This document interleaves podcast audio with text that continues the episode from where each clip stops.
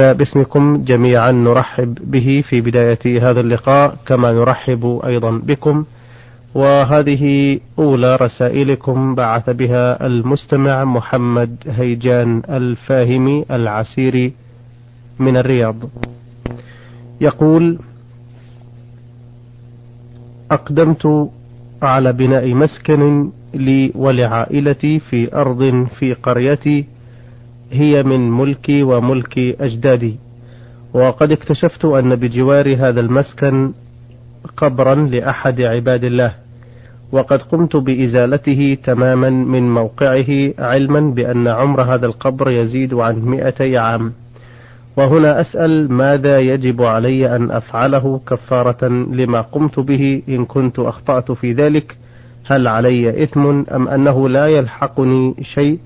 علما بأنني قد وضعت القبر في مكان آخر غير موقعه الأول وليس في المقبرة العامة بل في مكان خال فأرشدوني إلى ما يجب علي فعله الآن. الحمد لله رب العالمين وأصلي وأسلم على نبينا محمد وعلى آله وأصحابه أجمعين. الجواب على هذا السؤال أنه إذا كان هذا القبر خارج عن البناء والمسكن فإن الأولى بك ألا تتعرضه لأن صاحب القبر يملكه حتى يكون ترابا ورميما. ولكن ما دام الأمر قد وقع منك فإن عليك أن تتوب إلى الله عز وجل وتستغفره ثم إن وضعك إياه في غير المقبرة هذا أيضا خطأ فإن هذا المكان الذي وضعته فيه قد يكون مملوكا لإنسان وإذا قدر أنه ليس بمملوك فإنه ربما يصل إليه البنيان والعمران فينقل مرة ثانية. والذي أرى في هذا الأمر أن تراجع المحكمة التي عندكم. هل تنقله من المكان الذي وضعته فيه أخيرا أو تبقيه على ما أو تبقيه على ما كان عليه؟ عليك أن تراجع المحكمة حول هذا الموضوع ليقضي القاضي بما يراه صوابا. بارك الله فيكم. هذا المستمع المقيم بالرياض آه، عرف نفسه برقم 99 يقول ما هي قصة الغرانيق الواردة في بعض كتب السيرة مع شرح قوله تعالى وما ينطق عن الهوى إن هو إلا وحي يوحى وما هو الموقف الذي يجب أن يقفه المسلم من هذا؟ قصة الغرانيق هي أنه ذكر بعض المفسرين على قوله تعالى وما أرسلنا من قبلك من رسول ولا نبي إلا إذا تمنى ألقى الشيطان في أمنيته فينسخ الله ما يلقي الشيطان ثم يحكم الله آياته والله عليم حكيم. ليجعل ما يلقي الشيطان فتنة للذين في قلوبهم مرض والقاسية قلوبهم وإن الظالمين لفي شقاق بعيد. وليعلم الذين أوتوا العلم أنه الحق من ربك فيؤمنوا به فتخبت له قلوبهم. وإن الله لهادي الذين آمنوا إلى صراط مستقيم. ولا يزال الذين كفروا في مرية منه حتى تأتيهم الساعة بغتة أو يأتيهم عذاب يوم عقيم. ذكر بعض المفسرين أن هذه القصة كانت حين قرأ الرسول عليه الصلاة والسلام أفرأيتم اللات والعزى ومناة الثالثة الأخرى أن الشيطان ألقى في قراءته. تلك الغرانيق العلا وإن شفاعتهن لترتجى. نعم. وهذه القصة أنكرها كثير من أهل العلم وقال إنه لا يمكن أن يقع ذلك من رسول الله صلى الله عليه وسلم وطعنوا في إسنادها. ومن العلماء من لم ينكرها وقال إن هذا ليس من كلام الرسول صلى الله عليه وسلم. فإن الله يقول وما أرسلنا من قبلك من رسول ولا نبي إلا إذا تمنى. يعني قرأ. ألقى الشيطان في أمنيته. فالذي ألقى هذا الكلام هو الشيطان. وليس النبي صلى الله عليه وسلم. وإذا كان هو الشيطان فإن ذلك لا يقدح في مقام رسول الله صلى الله عليه وسلم. ولهذا قال فينسخ الله ما يلقي الشيطان ثم يحكم الله آياته والله عليم حكيم. ليجعل ما يلقي الشيطان فتنة للذين في قلوبهم مرض والقاسية قلوبهم إلى آخر الآيات. وهذا لا يقدح في مقام النبوة وفي مقام رسول الله صلى الله عليه وسلم. وأما قوله تعالى وما ينطق عن الهوى إن هو إلا وحي يوحى. فإن الضمير في قوله وما ينطق يرجع إلى رسول الله صلى الله عليه وسلم. أي أنه صلى الله عليه وسلم ما يقوله عن ربه وما يبلغه من الوحي فإنه لا ينطقه عن هوى منه أو تقول على الله عز وجل بلا علم وإنما هو وحي يوحيه الله إليه. ولهذا قال وما ينطق عن الهوى. فأتى بعن الدالة على أن المعنى ما ينطق نطقا صادرا عن هوى وإنما هو عليه الصلاة والسلام ينطق عن الوحي الذي أوحاه الله إليه. نعم. آه، الفقرة الأخيرة يقول ما هو الموقف الذي يجب أن يقفه المسلم من هذا؟ الموقف الذي يجب أن يقفه المسلم من هذا ومن غيره فيما يذكر من الإسرائيليات؟ نعم. أن يعرض هذه الإسرائيليات على ما في الكتاب والسنة فما وافق الكتاب والسنة فهو حق لا لأنه من خبر بني إسرائيل ولكن لأنه موافق للكتاب والسنة. وما خالفه فهو باطل وما لم يخالفه ولم يوافقه. يعني ما لم تعلم مخالفته ولا موافقته فإنه يتوقف فيه ولا يحكم بصدقه ولا بكذبه. جزاكم الله خيرا. آه، السؤال الثاني يقول كنت ذات يوم أصلي وكان معي حقيبة فيها مبلغ من المال فوضعتها أمامي لأن جيبي لا يتسع لها. وأثناء الصلاة تقدم إليها أحد ضعاف النفوس وخطفها وهرب بها مسرعا ولم أستطع أن أقطع الصلاة للحاق به. فهل تركي له يأخذها ويهرب طمعا في أجر صلاة الجماعة عمل صحيح؟ أم أنه كان يجب علي أن أقطع الصلاة وألحق به حتى لو كان المال قليلا؟ الجواب في هذه الحال إن كانت الصلاة نفلا فلا شك في أنك يجوز لك قطعها لتحرز مالك. وأما إذا كانت فريضة فهو كذلك أيضا. لك أن تقطع الصلاة من أجل الحفاظ على مالك وإحرازه من هذا الظالم المعتدي. وإذا قطعتها في مثل هذه الحال فإن لك أجر صلاة الجماعة لأنك لم تقطعها إلا لعذر. فلو أنك قطعتها وحميت مالك وحفظته لنفسك ثم أنجيت هذا الرجل من هذا الظلم والعدوان لقول النبي عليه الصلاة والسلام انصر أخاك ظالما أو مظلوما. وبين أن نصر الظالم أن تمنعه من الظلم. لو أنك فعلت هذا لكان أولى بك. فالمهم أن قطع الصلاة الفريضة أو النافلة في مثل هذه الحال لا بأس به لأنك تحرز مالك وتمنع غيرك من الظلم. حتى لو كان المال قليلا؟ نعم ولو كان ولو كان المال قليلا. لأن فيه إضاعة للمال لو تركته. نعم. وفيه أيضا إغراء لمثل هذا الظالم أن يعتدي مرة أخرى على غيرك. بهذه المناسبة ما هي الأشياء أو الحالات التي يجوز قطع الصلاة لها أو من أجلها؟ الحالات كثيرة منها أن يخاف الضرر على نفسه إذا استمر في صلاته ومنها أن يخاف تلف ماله ومنها أن يخاف تلف معصوم مثل أن يشاهد شخصا يعتدي على إنسان ليقتله أو لينتهك حرمته أو يرى حية مقبلة على أحد أو سبعا أو ما أشبه ذلك ففي هذه الحال يقطع الصلاة لإنقاذ المعصوم.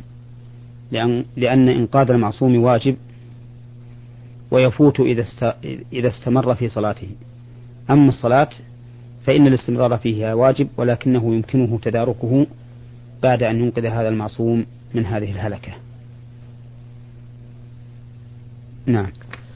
بارك الله فيكم. هذا المستمع إبراهيم سعد حوتة من خميس مشيط أحد رفيدة آه، بعث بسؤال يقول فيه لقد جرى بين ابنتي وزوجها مشاجرة وسوء تفاهم وكنت موجودا أثناء تلك المشاجرة فغضبت جدا ودهاني الشيطان لعنه الله وقلت لزوج ابنتي طلاق مني أنك لن تكون زوج ابنتي بعد هذا. وفي أثناء الوقت أسفت على هذا الكلام الذي بدر مني أثناء المشاجرة. فما الحكم فيما قلته أولا قولك الشيطان لعنه الله. نعم. ينبغي أن تقول أعاذني الله منه. فإن هذا هو الأولى. لقوله تعالى وإما زغنك من الشيطان نزغ فاستعذ بالله إنه هو السميع العليم. وأما قولك طلاق مني ألا تكون زوجا لابنتي فهذا خطأ منك. فإن هذا معناه أنك توجد العداوة والبغضاء بين ابنتك وزوجها. وهذا غلط. فتوب إلى ربك واستغفره. وإذا كانت ابنتك الآن عندك فأعدها إلى زوجها. لا تحل بينه وبينها. وما وقع منك من هذا الطلاق بهذا اللفظ فإن حكمه حكم اليمين. عليك أن تكفر كفارة يمين بأن تطعم عشرة مساكين أو تكسوهم. فإن لم تجد فصيام ثلاثة أيام متتابعة. ثم إني أنصحك وغيرك من الناس عن الحلف بغير الله عز وجل. لقول النبي عليه الصلاة والسلام من كان حالفا فليحلف بالله أو ليصمت. فالحلف بالطلاق وبالنذر وبالعتق وما أشبهه هذا أمر لا ينبغي. بل إنما يكون الحلف بالله سبحانه وتعالى. أما الحلف بصيغة القسم بغير الله فإنه من الشرك والكفر.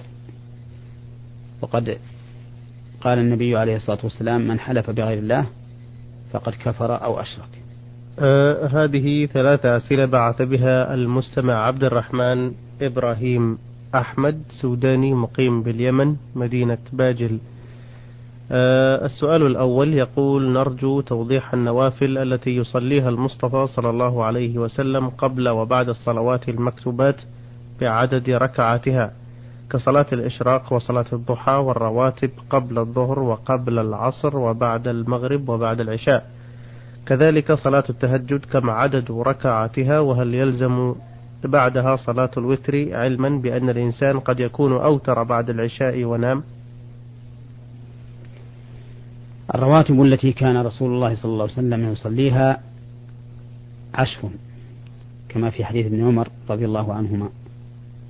ركعتان قبل الظهر وركعتان بعدها وركعتان بعد المغرب وركعتان بعد العشاء وركعتان قبل صلاة الصبح. هذه عشر. وقالت عائشة رضي الله عنها كان النبي صلى الله عليه وسلم لا يدع أربعا قبل الظهر. وعلى هذا فتكون الرواتب ثنتي عشرة ركعة. أربعا قبل الظهر وركعتين بعدها وركعتين بعد المغرب وركعتين بعد العشاء وركعتين قبل صلاة الصبح. إلا أنه ينبغي في الركعتين قبل صلاة الصبح ينبغي فيهما أمران. أحدهما التخفيف والثاني قراءة قل يا أيها الكافرون في الركعة الأولى مع الفاتحة وقل هو الله أحد في الركعة الثانية مع الفاتحة. أو في الركعة الأولى مع الفاتحة قولوا آمنا بالله وما أنزل إلينا وما أنزل إلى إبراهيم وإسماعيل وإسحاق ويعقوب والأسباط وما أوتي موسى وعيسى وما أوتي النبيون من ربهم لا نفرق بين أحد منهم ونحن له مسلمون. في سورة البقرة. وقل يا أهل الكتاب تعالوا إلى كلمة سواء بيننا وبينكم ألا نعبد إلا الله ولا نشرك به شيئا ولا يتخذ بعضنا بعضا أربابا من دون الله فإن تولوا فقولوا اشهدوا بأننا مسلمون. في سورة آل عمران في الركعة الثانية مع الفاتحة. نعم. وأما ركعتي الضحى ففي صحيح مسلم عن عائشة رضي الله عنها قالت كان النبي صلى الله عليه وسلم يصلي الضحى أربعا ويزيد ما شاء الله. وأقلها أي أقل سنة الضحى ركعتان. وأما تهجد الرسول صلى الله عليه وسلم فقد سئلت عائشة رضي الله عنها كيف كانت صلاة النبي صلى الله عليه وسلم في رمضان؟ فقالت كان لا يزيد في رمضان ولا غيره على إحدى عشرة ركعة. فهذا ما كان يصليه الرسول عليه الصلاة والسلام في الليل إحدى عشرة ركعة. و ولا يزيد على ذلك. ومع هذا فلو أن الإنسان تهجد بأكثر وزاد على إحدى عشرة ركعة فلا حرج عليه لأن النبي صلى الله عليه وسلم سئل كما في حديث ابن عمر رضي الله عنه ما ترى في صلاة الليل؟ قال مثنى مثنى. فإذا خشي أحدكم الصبح صلى واحدة فأوترت له ما صلى. أو قال توتر له ما صلى. فعلى هذا نقول عدد صلاة الليل ليس في ليس محصورا. بإحدى عشرة. بل يصلي الإنسان نشاطه. وأما إذا أوتر في أول الليل وكان من نيته أن لا يقوم في آخره. فإنه إذا قدر له أن يقوم بعد فإنه يصلي ركعتين ركعتين حتى يطلع الفجر. ولا يعيد الوتر. نعم. لأن الوتر ختم به صلاة الليل, صلاة الليل في اعتقاده قبل أن ينام. ولكن ينبغي للإنسان الذي من عادته أن يقوم من آخر الليل أن يجعل وتره في آخر الليل. كما ثبت به الحديث عن النبي عليه الصلاة والسلام أن من طمع أن يقوم من آخر الليل فليوتر آخره فإن صلاة آخر الليل مشهودة وذلك أفضل. أما من خاف أن لا يقوم من آخر الليل فإنه لا ينام حتى يوتر. نعم. آه، السؤال الثاني يقول ما الحكم في المداومة على قراءة سور معينة يتخذها الإنسان كورد بجانب تلاوة القرآن يوميا؟ حيث علمنا من بعض الأحاديث بأن قراءة هذه السور لها فضل عظيم كسورة ياسين وسورة حاميم الدخان والفتح والملك وغيرها. أما ما لم يرد به النص من قراءة بعض السور أو الآيات فإنه لا يجوز للإنسان أن يقرأه معتقدا أن ذلك أن قراءة هذا الشيء المعين سنة. نعم. لأنه لو فعل ذلك لشرع في دين الله ما ليس منه. وأما ما ثبت به الحديث عن النبي عليه الصلاة والسلام أو جاء عن الرسول صلى الله عليه وسلم على وجه تثبت به الحجة فإنه لا بأس أن يداوم عليه على الوجه الذي جاء. كان جاء بالمداومة يكون مداوما وإن كان جاء بغير المداومة يكون غير مداوم. والمهم أنه ينبغي بل يجب على العباد وأصحاب الأوراد يجب عليهم أن يتحروا ما جاءت به السنة عن النبي صلى الله عليه وسلم وأن لا يبتدعوا في دين الله ما ليس منه. فإنه حتى القرآن إذا خص الإنسان منه شيئا معينا يتخذه دينا بالمداومة عليه أو ما أشبه ذلك وهو لم يرد عن الرسول صلى الله عليه وسلم على وجه يكون حجة فإنه لا يجوز له أن يفعل ذلك بل يكون مبتدعا في دين الله ما ليس منه. نعم. آه، السؤال الأخير يقول ما المراد بذكر الله؟ هل المراد تلاوة القرآن وحده أم الصلاة والصلاة على النبي صلى الله عليه وسلم وكل الأدعية المأثورة؟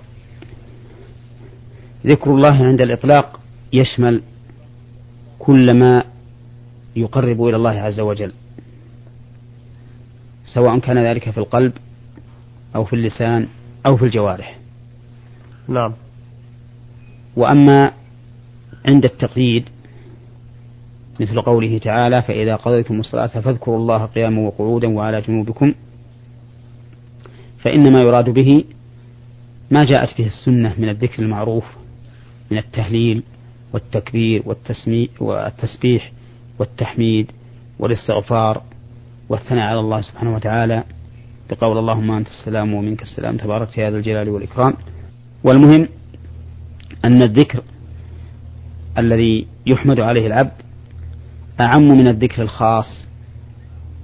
فالذكر يكون بالقلب ويكون باللسان ويكون بالجوارح. فذكر الله بقلب مثل التفكر بآياته الشرعية والكونية وكذلك التوكل عليه والرغبة إليه والإنابة إليه والمحبة وما أشبه ذلك. وأما ذكر الله باللسان فظاهر وهو كل قول يقرب إلى الله تعالى من الأذكار الخاصة وقراءة القرآن والأمر بالمعروف والنهي عن المنكر وتعليم العلم وغير ذلك. وأما بالجوارح فكل فعل يقرب إلى الله تعالى مثل الصلاة بقيامها وقعودها وركوعها وسجودها والصدقات والنفقات وما أشبهها. فالمهم أنه ينبغي أن نعرف الفرق بين الذكر المطلق العام وبين الذكر الخاص. نعم. أحسن الله إليكم. هذان سؤالان من الأخت عين عين ميم من العراق صلاح الدين. سؤالها الأول تقول إنها منذ خمس سنوات بدأت تصوم رمضان وحرصا منها على عدم الإفطار وطمعا في فضل صيام رمضان فكانت لا تفطر أبدا حتى إذا أتتها الدورة الشهرية جهلا منها بوجوب الإفطار والقضاء. ولكنها بعد أن علمت أنها كانت تخالف الواجب بفعلها ذلك فقد ندمت عليه. وحينما أهل الشهر المحرم عزمت على صيامه وفعلا صامته كله كفارة وتعويضا عن ذلك. فهل هذا يكفي أم يلزمها شيء آخر؟ صيامها شهر المحرم كفارة عن ما فعلته من الصيام في حال الحيض وعدم قضائه. إذا كانت تريد أن يكون ذلك كفارة عن ذنب فعلته فإنه لا يجزئها عن القضاء. نعم. وعليها أن تقضي ما أفطرت. بل على الأصح ما صامته في أيام الحيض. لأن ما صامته في أيام الحيض ليس بصحيح. وأما إذا كانت صامت شهر المحرم قضاء عن الأيام التي صامتها في أيام حيضها لاعتقادها أنه صوم فاسد يجب عليه قضاؤه فإن ذلك صحيح ويكون هذه الأيام التي قضتها عن الأيام التي صامتها في حال الحيض إذا كانت بعددها. فإن كانت الأيام التي صامت أقل من العدد التي صامته في أيام الحيض فإنه يجب عليها أن تكمل ما بقي. آه، كونها خصصت شهر المحرم بالصيام هل في هذا شيء؟ آه، كونها خصصت لقول الرسول عليه الصلاة والسلام أفضل الصيام بعد رمضان شهر الله المحرم. نعم. فهي خصته لفضله. السؤال الثاني تقول حينما أنام بالليل دائما أرى في المنام أحلاما مخيفة وأشياء كثيرة تحدث من المعجزات والخوارق مما يجعلني دائما قلقة وخائفة. فبماذا تنصحوني أن أفعل أو أقول عند النوم حتى تختفي عني هذه الأحلام المزعجة؟ اقرأي عند النوم آية الكرسي وهي قوله تعالى الله لا إله إلا هو الحي القيوم. لا تأخذه سنة ولا نوم. له ما في السماوات وما في الأرض. من ذا الذي يشفع عنده إلا بإذنه. يعلم ما بين أيديهم وما خلفهم ولا يحيطون بشيء من علمه إلا بما شاء. وسع كرسيه السماوات والأرض ولا يؤوده حفظهما وهو العلي العظيم. هذه الآية في أول الجزء الثالث في سورة البقرة. فإن من قرأها في ليلة لم يزل عليه من الله حافظ ولا يقرأه ولا يقربه شيطان حتى يصبح. واقرأي كذلك سورة قل هو الله أحد وسورة قل أعوذ برب الفلق وسورة قل أعوذ برب الناس. وهذه الأحلام المزعجة المخيفة التي ترينها دواؤها ما أرشد إليه النبي صلى الله عليه وسلم وهو أن تستعيذ بالله من شر الشيطان ومن شر ما رأيت وأن لا تحدثي بذلك أحدا. فإن, فإن ذلك فإن ذلك لا يضرك. ثم إن استيقظت في أثناء النوم من هذه الأحلام فاتولي عن يسارك ثلاثا واستعيذي بالله من شر الشيطان ومن شر ما رأيت. ثم انقلبي على الجنب الآخر. إن كنت نائمة على الجنب الأيمن فكوني على الجنب الأيسر والعكس بالعكس. وكذلك تقومين أيضا من أسباب دفع هذه الأحلام المكروهة تقومين وتذكرين الله وتوضئين وتصلين ما شاء الله. هذا كله مما يدفع هذه الأحلام. نعم. ثم إنه ينبغي لمن رأى حلما يكرهه. ينبغي له أن يستعيذ بالله من شر الشيطان ومن شر ما رأى. وأن لا يحدث بذلك أحدا وأن يعرض عنه بقلبه وفكره ولا يذكره فإن ذلك لا يضره كما أخبر به النبي صلى الله عليه وسلم. اللهم صل على محمد. جزاكم الله خيرا. أيها الإخوة الكرام في نهاية لقائنا هذا نشكر فضيلة الشيخ محمد بن صالح العثيمين المدرس بكلية الشريعة بجامعة الإمام محمد بن سعود الإسلامية بالقصيم.